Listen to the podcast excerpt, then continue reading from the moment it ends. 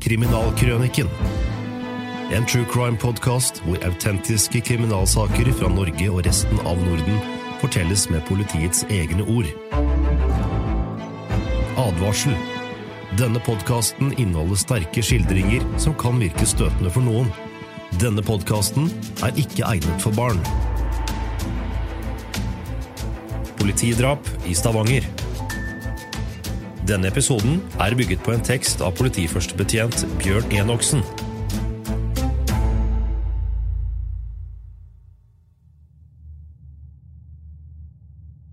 Dette er historien om en politimann som i sin beste alder ble skutt mens han var i tjeneste. Dette var et drap som var så unødvendig, så meningsløst og ufattelig at alle spør seg om hvordan det kunne skje. Det er heldigvis sjelden at politifolk blir drept i tjeneste, men natt til onsdag 28. mars 1990 ble politibetjente Arne Mæland felt for et drepende skudd under en husarrestasjon.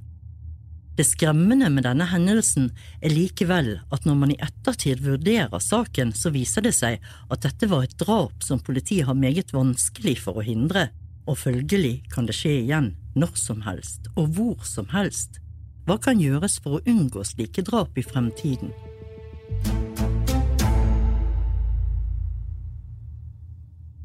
Stig ble født i en større by på Vestlandet, tidlig under siste verdenskrig.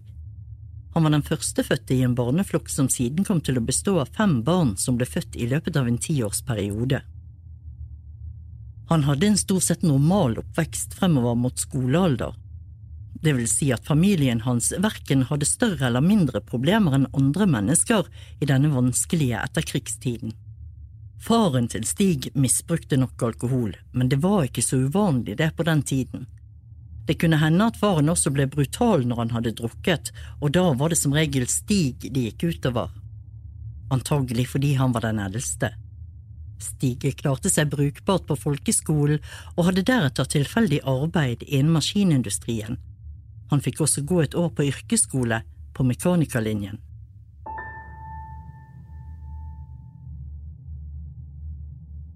Han giftet seg allerede da han var 19 år.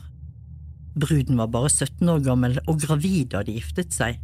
Det unge paret fikk i løpet av få år fire barn. Etter å ha fått en viss bakgrunn i maskinbransjen fikk han hyre på en båt, og han reiste en del utenriks. Den unge familien klarte seg derfor brukbart økonomisk, men ekteskapet gikk i oppløsning, og paret ble skilt etter seks års ekteskap. I løpet av de få årene Stig var gift, begynte han å få tendenser til alkoholmisbruk, og han begynte også å vise noen av de samme brutale og truende tendensene overfor sine barn som hans egen far hadde vist overfor ham selv. Etter at ekteskapet var gått i oppløsning, flyttet Stig hjem igjen til sine foreldre. I løpet av de neste årene var han delvis til sjøs og delvis hjemme. Når han var hjemme, skulle han ta maskinistutdannelse ved sjømannsskolen. Denne perioden tok imidlertid alkoholmisbruket fullstendig overhånd, og det ble veldig mye skulking på skolen.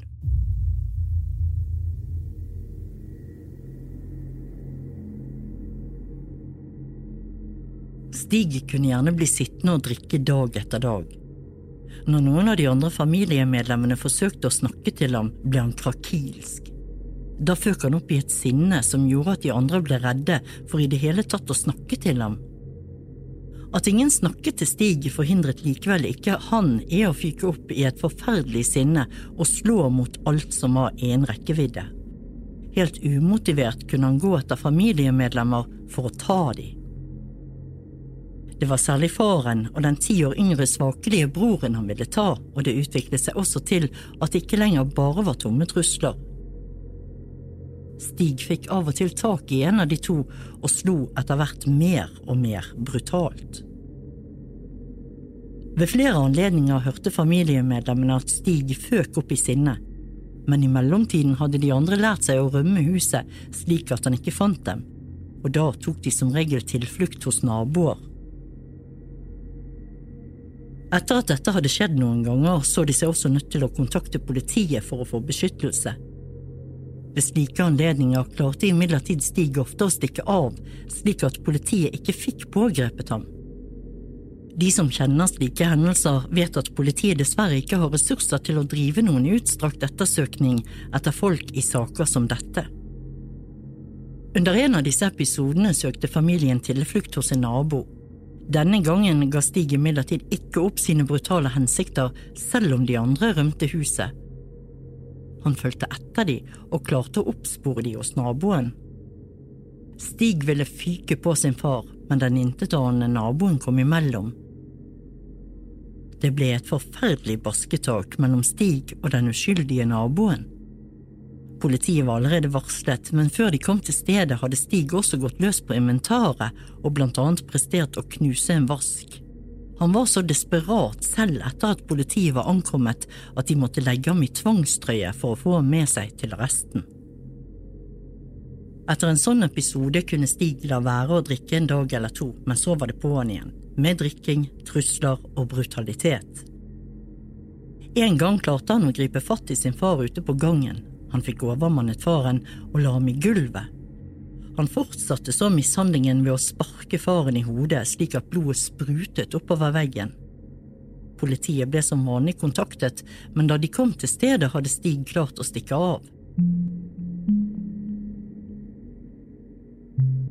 Det var ikke bare faren som fikk unngjelde. Den yngste broren ble også overmannet fra tid til annen. Ved en anledning slo Stig broren sin med knyttede never i ansiktet så mange ganger at broren til slutt sank bevisstløs om på gulvet. Stig, som fortsatt var like desperat, grep da fatt i broren og bar ham ut på gangen.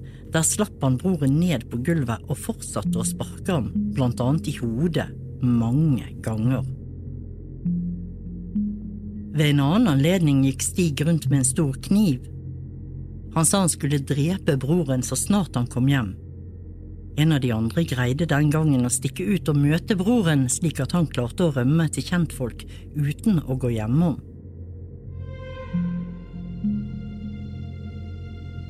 Sammen med flere venner og kjente var Stig en gang på hyttetur. I selskapet var det også en tysk statsborger Stig fikk det da for seg at han hatet tyskere. Han fant plutselig fram en luftpistol og truet tyskeren med denne. Tyskeren forsøkte å stikke av, men Stig løp etter ham. Det hele endte med at en av de andre tilstedeværende ble truffet i ansiktet av et skudd ifra luftpistolen. Selv om det ikke ble alvorlige skader, måtte han til legebehandling. Ved denne anledningen ble lensmannen på stedet kontaktet, og lensmannen kom og hentet Stig med seg.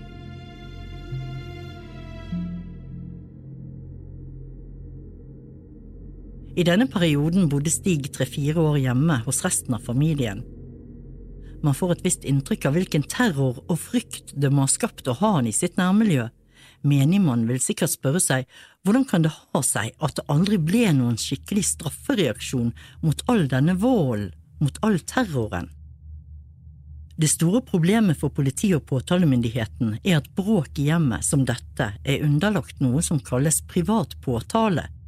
Det vil si at politiet er nødt til å motta anmeldelse fra fornærmede eller skadelidende før man kan sette i gang etterforsking, noe som eventuelt i neste omgang kan føre til tiltale og straff. Alle som er kjent i slike saker, vet at det er ikke så lett å stå frem og begjære et familiemedlem straffet. Hva om Stig fikk fengselsstraff? Hva om det bare ble en mindre straff? Hvordan ville han senere oppføre seg overfor de som meldte ham?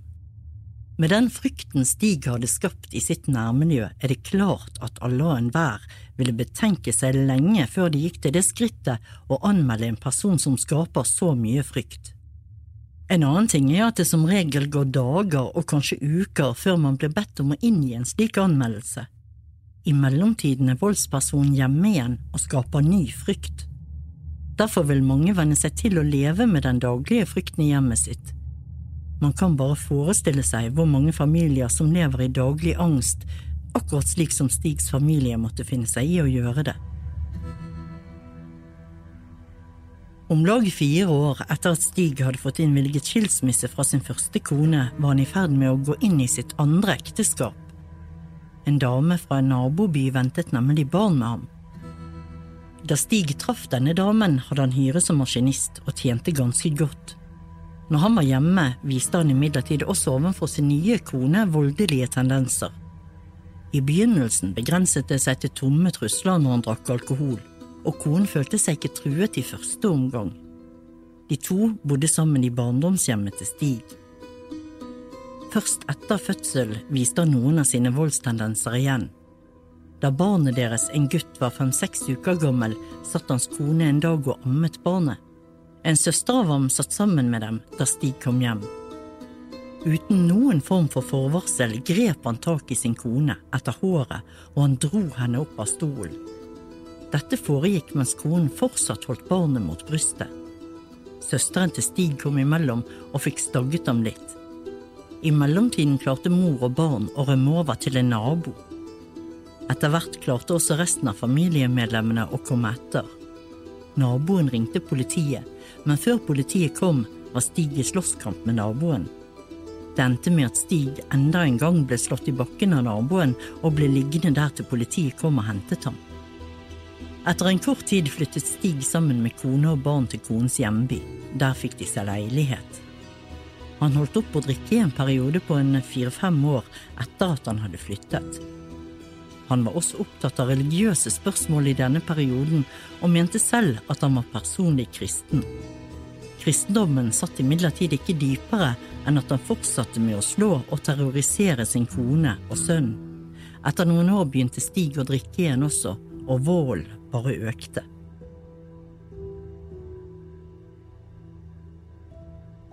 Stig, som hadde fire barn i første ekteskap, skulle nå bli far for annen gang med sin andre kone. Da hun var gravid, opplevde hun sin verste periode med mannen. Stig arbeidet da i oljebransjen og var en del bortreist, men han hadde også mye fri og var hjemme. I friperiodene drakk han daglig, og han slo sin kone. I denne graviditetsperioden var hun mye syk, men han nektet henne å legge seg ned. Hun skulle holde seg oppreist. Også om nettene ble hun kommandert til å sitte oppe for å holde ham med selskap. Han slo henne aldri i magen når hun var med barn, men hun ble slått i ansiktet.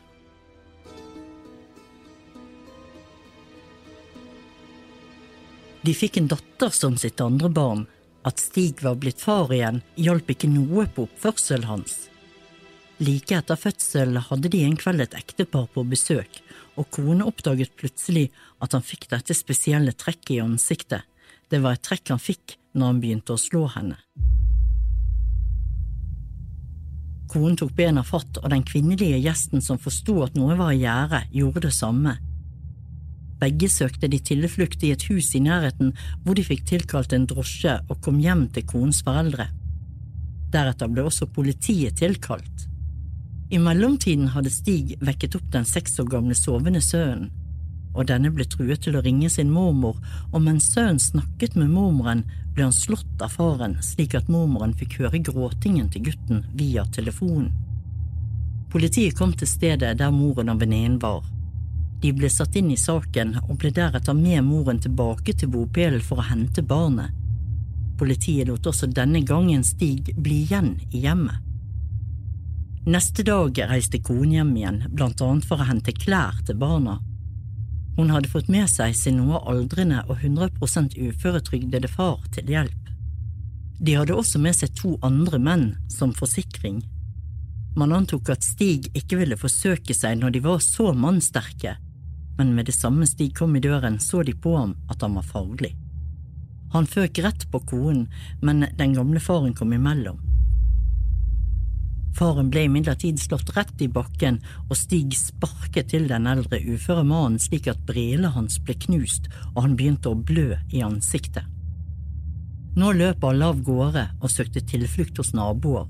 Politiet ble igjen varslet og kom til stedet, og denne gangen tok de Stig med seg til arresten. Konen ville imidlertid ikke anmelde forholdet, hun tok ikke sjansen på det, og Stig var ute igjen senere samme dag. Igjen kan man spørre seg om han virkelig kan opptre så vanvittig som det Stig gjorde, uten at politiet reagerer med inngrep. Men politiet ser på hver sak isolert, og på dette tidspunktet var han ennå ikke anmeldt, og slik Norges lover er, har man ikke annet valg da enn å slippe ham ut.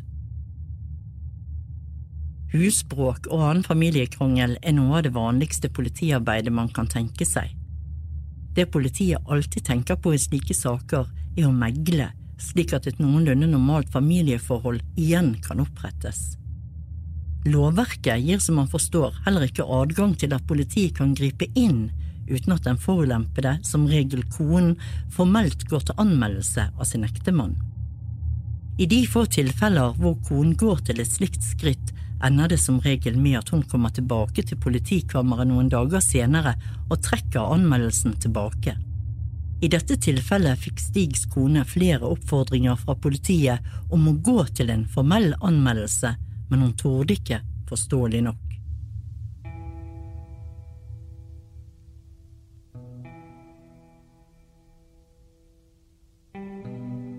Ekteskapet hanglet og gikk på et vis i noen få år, fortsatt med vold og trusler som konen fant seg i. Flere ganger måtte hun imidlertid rømme huset, og ofte søkte hun tilflukt hos krisesenteret. I løpet av ganske kort tid var hun på krisesenteret tre ganger. Da deres datter nærmet seg skolealder, skjedde det noe avgjørende. En kveld etter at de hadde lagt seg, kastet Stig seg plutselig over konen i sengen. Uten forvarsel og helt edru tok han kvelertak på henne. Han holdt dette grepet en stund, og konen var sikker på at hennes siste stund var kommet. Plutselig sto hennes sju år gamle datter i døren, og da slakket Stig noe på grepet. Konen klarte dermed å stikke unna til stuen, men Stig kom etter. Konen falt over en stol, og Stig grep fatt i henne igjen. Etter dette husker hun ikke noe av hva som skjedde. Hun kom til bevissthet igjen og forsøkte i noen dager å bo sammen med Stig. Etter en ny terrornatt klarte hun å rømme huset på morgenkvisten. Hun tok tilflukt hos en nabo og tilkalte politiet. Hun tok med seg begge barna til krisesenteret. Der bodde de i to måneder før de fikk seg en ny leilighet, og siden har hun og de to barna bodd på hemmelige adresser og med så vel hemmelig telefonnummer som hemmelig arbeidsplass.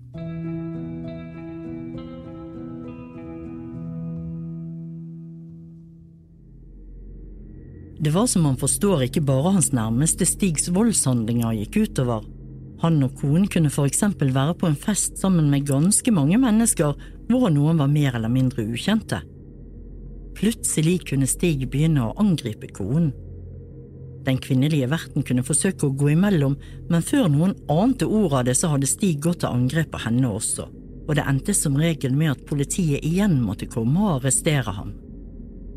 Det som alle reagerte på etter at Stig hadde oppført seg slik, var at han aldri viste noen form for anger. Han var aldri i nærheten av å komme med en unnskyldning eller en innrømmelse om at han kanskje hadde gjort noe galt. Dette var så unormalt at flere mennesker kom til at det måtte være noe alvorlig galt med ham. Han konsulterte også medisinsk personell med jevne mellomrom, men det ble aldri noen konkrete resultater av disse kontaktene. Dette hadde også sammenheng med at han var bortreist i jobb i perioder og derfor aldri kunne få regelmessige legebesøk.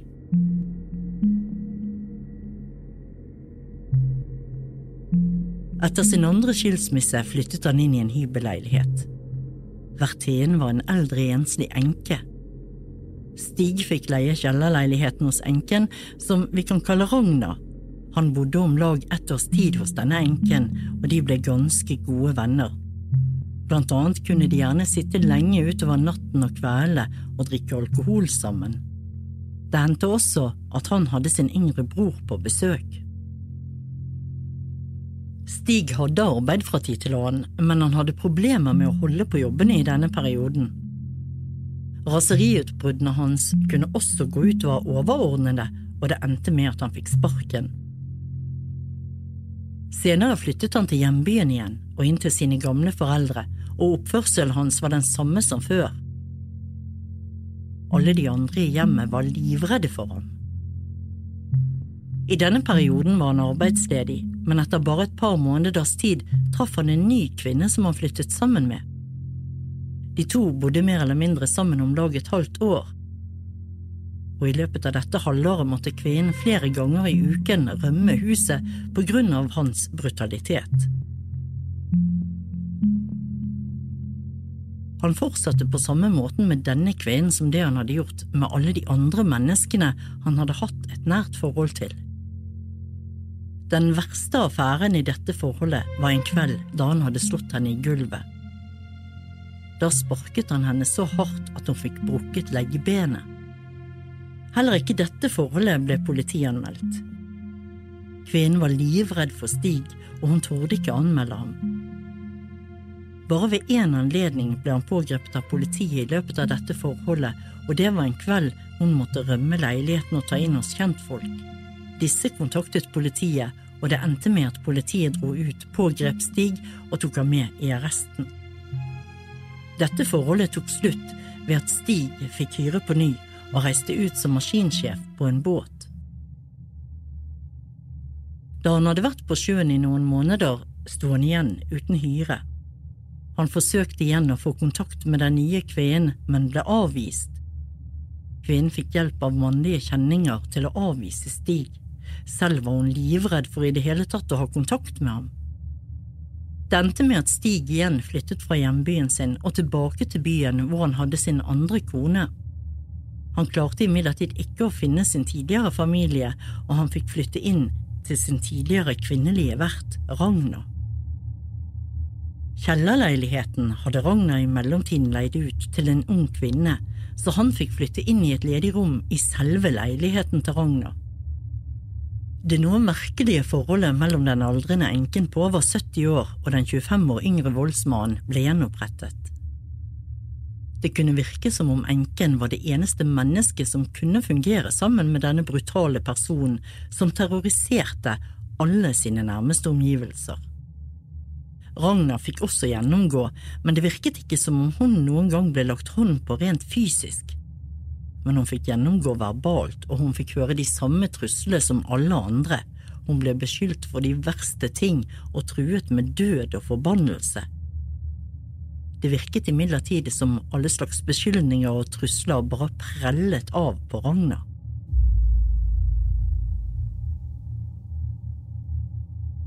Etter at Stig hadde terrorisert sine omgivelser i rundt 20 år, kan man forundres over hvor lett han hadde sluppet unna straffereaksjoner. Som man forstår, var påtalemyndigheten hele tiden avhengig av en formell anmeldelse fra en fornærmet, og så lenge ingen hadde anmeldt ham, ble Stig løslatt fra arresten neste dag. En annen eiendommelighet er at han aldri angret på voldshandlingene sine. Det normale er jo at en forbryter foretar en straffbar handling under ruspåvirkning, og når vedkommende blir edru, så angrer han, bittert. I Stigs tilfelle var det aldri snakk om noe anger dagen etter en voldshandling under ruspåvirkning. Tvert imot, Stig var om mulig enda mer voldelig i edru tilstand enn når han var beruset. Også i perioder da han var såkalt personlig kristen, begikk han grove voldshandlinger.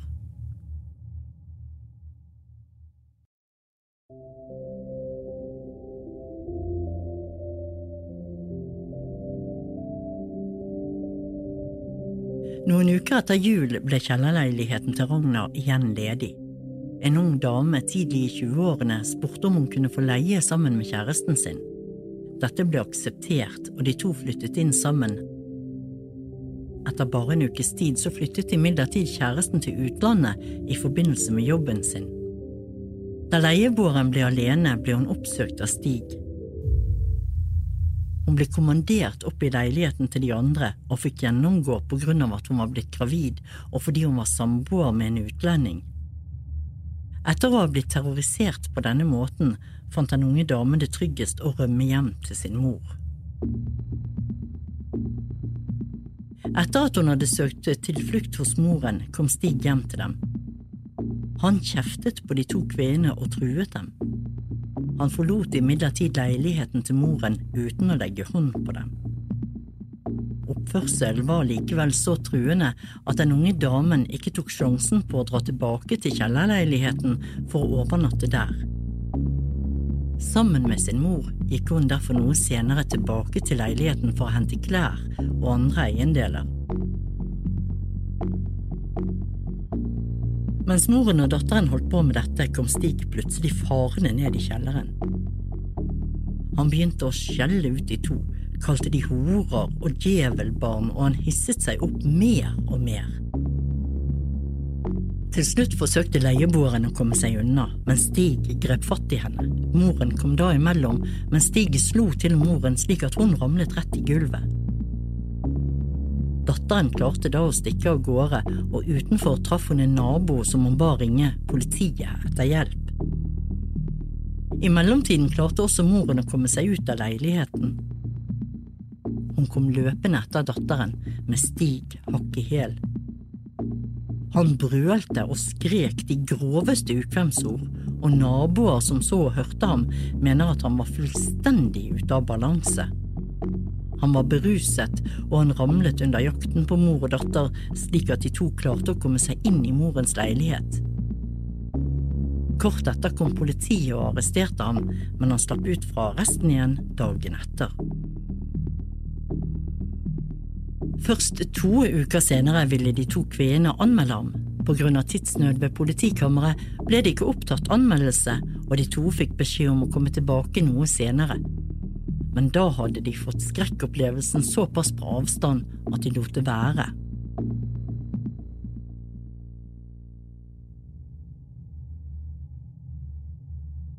Når man i ettertid studerer Stig syke, er det klart for alle og enhver at det måtte være noe meget alvorlig i veien med ham.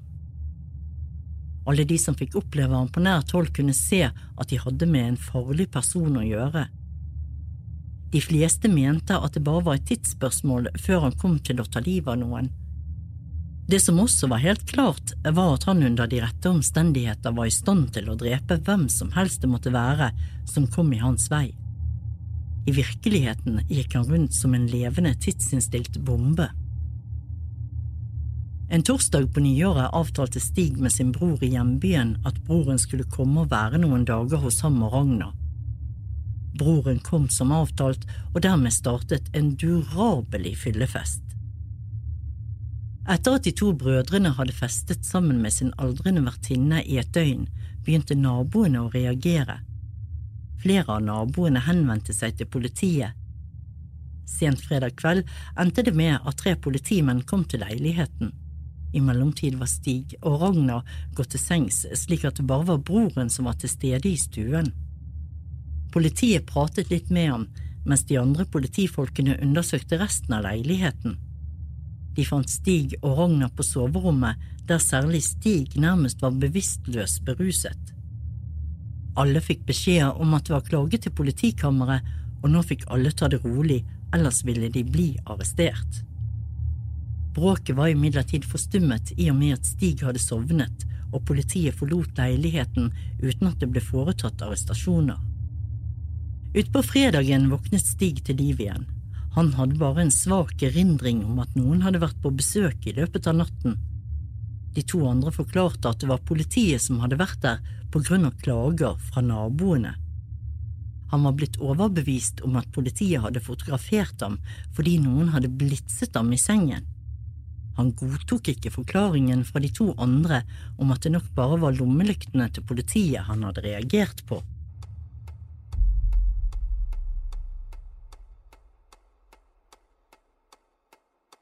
Stig satte nå i gang en voldsom ringing til politikammeret, for han skulle ta rede på hvem det var som hadde fotografert ham i sengen. Sentralbordet på politikammeret fikk store problemer.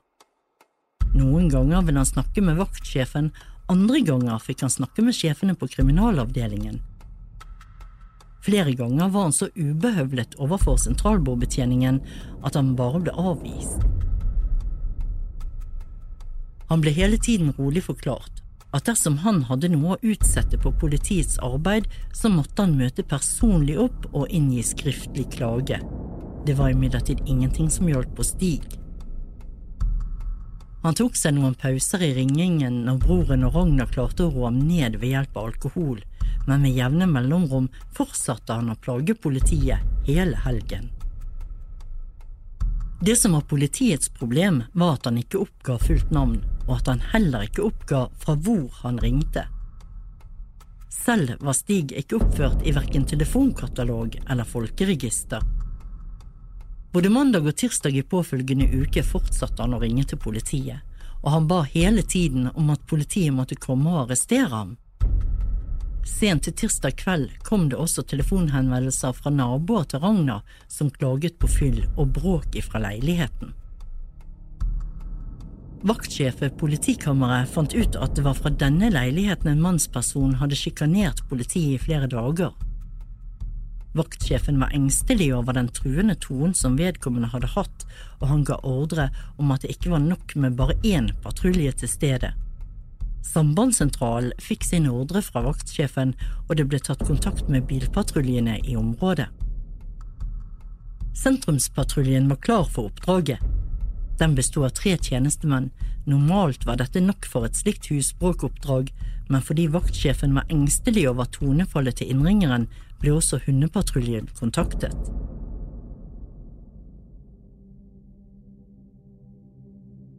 Politimannen Arne Mæland var knapt 34 år gammel og hadde allerede opparbeidet en solid erfaring i politiet.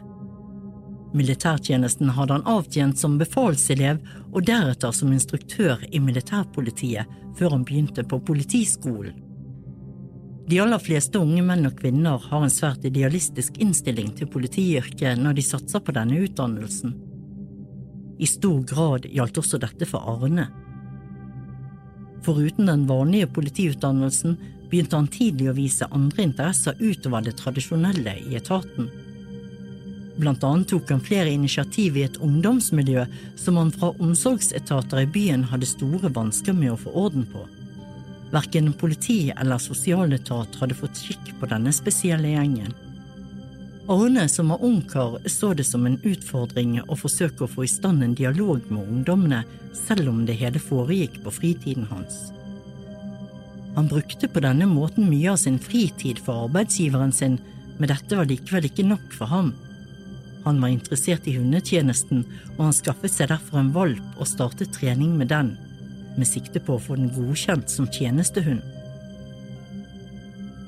Arne nådde etter hvert også dette målet, og han viste store evner i sin tjeneste. Han fikk tillitsverv i hundetjenesten og oppnådde hedersbevisninger for oppgaver han løste sammen med hunden sin. Arne var også et naturlig lederemne. Han fikk lett kontakt med både kolleger og klienter. Politiaspiranter som han fikk lederoppgaver for, fikk respekt for ham og så veldig opp til ham både som menneske og politimann. Som regel brukte de Arne som eksempel på hvordan en politimann skulle være i tjenesten og på fritiden. Med seg i hundepatruljen hadde Arne en annen hundefører og en aspirant da de startet tjenesten en tirsdagskveld. Arne var leder for patruljen, og midnatt var passert da de mottok melding om utrykning til nevnte adresse. Sentrumspatruljen var allerede kommet til stedet, og det var til sammen seks politifolk og to patruljehunder på stedet. I tillegg var en utkantpatrulje på vei. Arne ledet aksjonen, og man diskuterte hvordan man skulle gå frem. Meldingen ifra vakten var klar. Man var usikker på beboerens tilstand, og man visste ikke om det var våpen i huset. De tre fra sentrumspatruljen holdt seg på hver sin side av huset, mens Arne og hans to kolleger gikk mot inngangsdøren sammen med hunden. Arne diskuterte med sine to kolleger om hvordan de skulle forholde seg ved inngangsdøren. De tre plasserte seg på hver sin side, slik at de ikke kunne ses idet noen åpnet døren.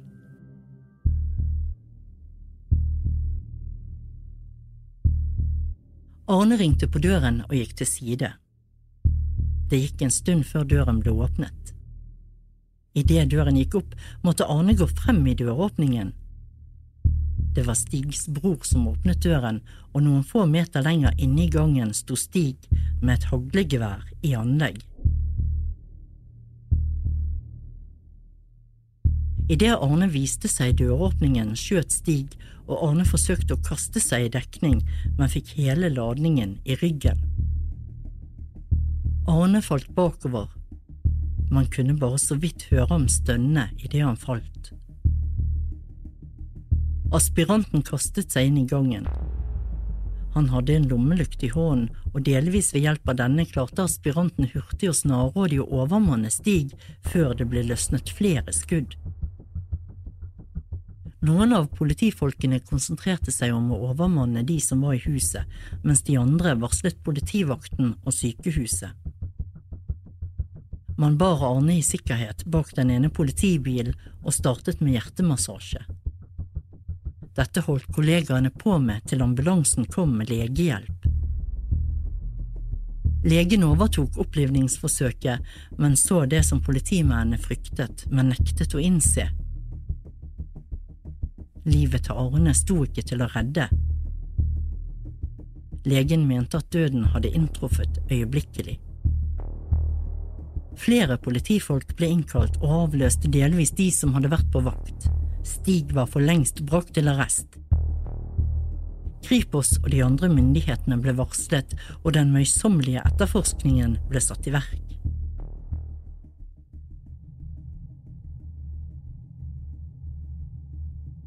Som vanlig i slike saker hvor politifolk er innblandet, ble det utnevnt settepolitimester fra et nabodistrikt som med sin egen stab overtok ansvaret for etterforskningen. Store ressurser ble satt inn, og man håpet at etterforskningen skulle gå raskt. Ettersom dagene gikk, fikk man klarhet i hvilken tyrann Stig virkelig hadde vært i hele sitt voksne liv, og det ble svært mange mennesker å avhøre. Man oppsporte etter hvert alle Stig hadde hatt et forhold til, og samtlige ble avhørt. Det var ikke fritt for at man ble temmelig sjokkert når man fikk vite hvilke tragedier og hvor mye vondt Stig hadde forvoldt sine nærmeste i alle disse årene. Når man også sammenlignet med mennesket Arne som ble skutt av denne voldsmannen, var det klart at det ofte ble vanskelig for de involverte å holde en nøytral og saklig linje men norsk politi har etter hvert opparbeidet seg en meget profesjonell holdning, noe som er nødvendig, spesielt i saker som denne.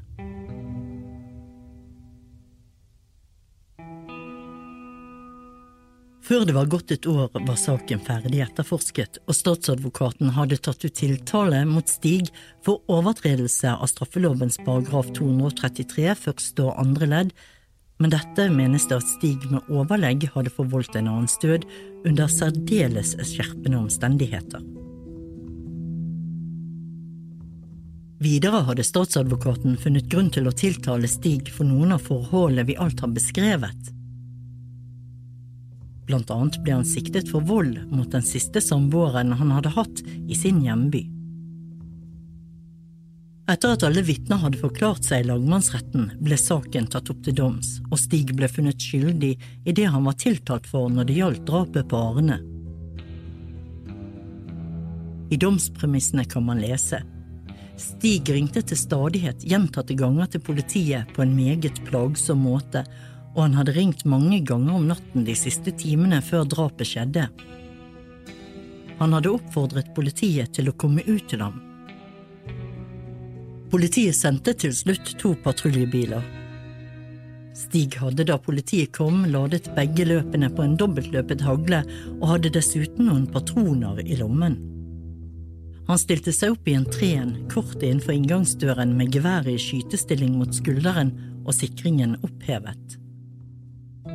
Da politiet ringte på, åpnet hans bror døren, og Stig skjøt straks mot den første politimannen som viste seg i døråpningen. Skuddet traff Arne i ryggen og gikk inn i indre organer slik at han døde med en gang. Stig ble stående med geværet i skytestilling, men politiaspiranten som hadde vært like utenfor døren, klarte ved rask reaksjon å hoppe frem og overmanne ham. Retten regner med at uten denne raske handlingen ville Stig fortsatt å skyte, med muligheter for at flere kunne ha blitt drept eller skadet. Under disse omstendigheter, og fordi den som ble drept var en ubevæpnet politimann uten muligheter for å verge seg, finner retten at det foreligger særdeles skjerpende omstendigheter.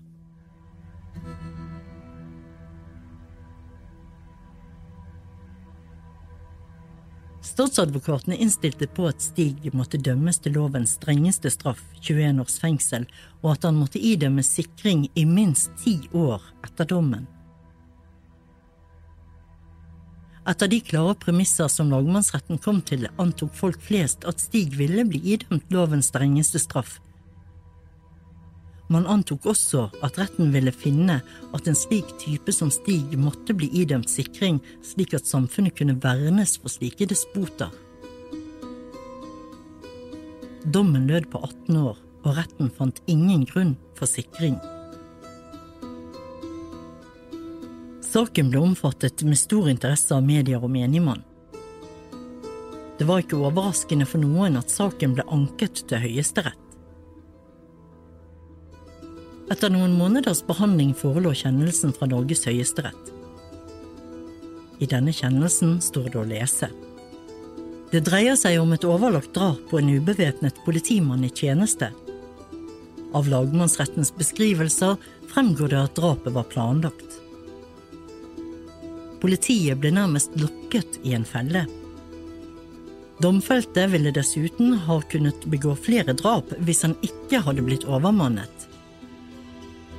Ved bedømmelsen av domfeltes subjektive forhold må det legges til grunn at den nærmeste sammenhengende alkoholrus han befant seg i i dagene før drapet, og det økende sinnet lagmannsretten beskriver, har ført ham inn i en irrasjonell tankegang. Selv om hans bevissthet ikke syntes å ha vært nevneverdig nedsatt, de sakkyndige for lagmannsretten mente at den kan ha vært noe redusert, må dette slik Høyesterett ser det ha preget domfeltets overlegg og hans bevissthet på gjerningstidspunktet, da alkoholkonsentrasjonen i blodet var 2,8 promille. Det er etter Høyesteretts oppfatning ikke grunnlaget for å endre lagmannsrettens straffeutmåling. Også når det gjelder sikringsspørsmålet, er det enighet med lagmannsretten hvis begrunnelse man i det vesentlige kan tiltre. Domfelte er funnet å ha varig svekkede sjelsevner. Når det gjelder bedømmelsen av gjentagelsesfaren, nøyer Høyesterett seg med å peke på at domfelte ikke tidligere er dømt for voldsforbrytelser, og for øvrig vil være over 60 år når straffen er sonet. Det var fem høyesterettsdommere som behandlet anken. Dette var førstvoterende dommers innstilling. Han var enig med lagmannsretten i at 18 års fengsel var nok, og sikring kunne ikke idømmes. I denne saken var det dissens. Annenvoterende var uenig og fremholdt. Jeg er enig med førstvoterende i at sikring ikke bør idømmes, men mener at straffen bør skjerpes til fengsel i 21 år. Under hensynet til det overlagte i domfeltes handlemåte, den risiko for tap av flere menneskeliv som lå i situasjonen, og det særlige vern ubevæpnet politi bør ha i sitt risikofylte yrke, anser jeg lovens strengeste straff for å være på sin plass. En dommer til var enig i lovens strengeste straff, mens de to andre var enige med førstevoterende slik at den endelige dommen for Stig ble 18 års fengsel. Han ville derfor sannsynligvis være ute på permisjoner og velferdsfri fire til fem år etter at han begikk dette meningsløse drapet.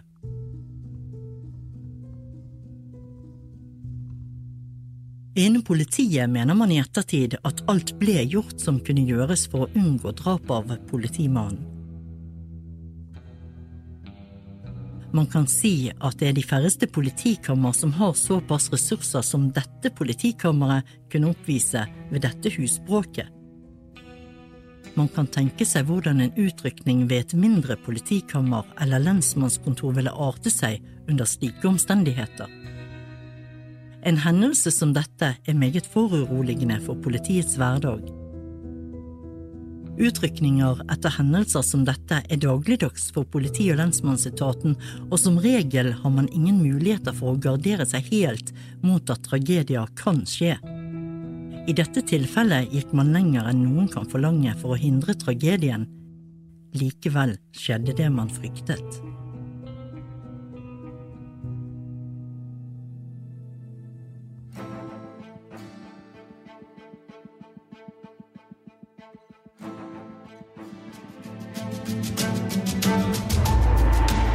Du har hørt Politidrap i Stavanger. Bygget på en tekst av politiførstebetjent Bjørn Enoksen. Forteller var Marianne Mo. For flere podkaster fra Radiometro, se radiometro.no.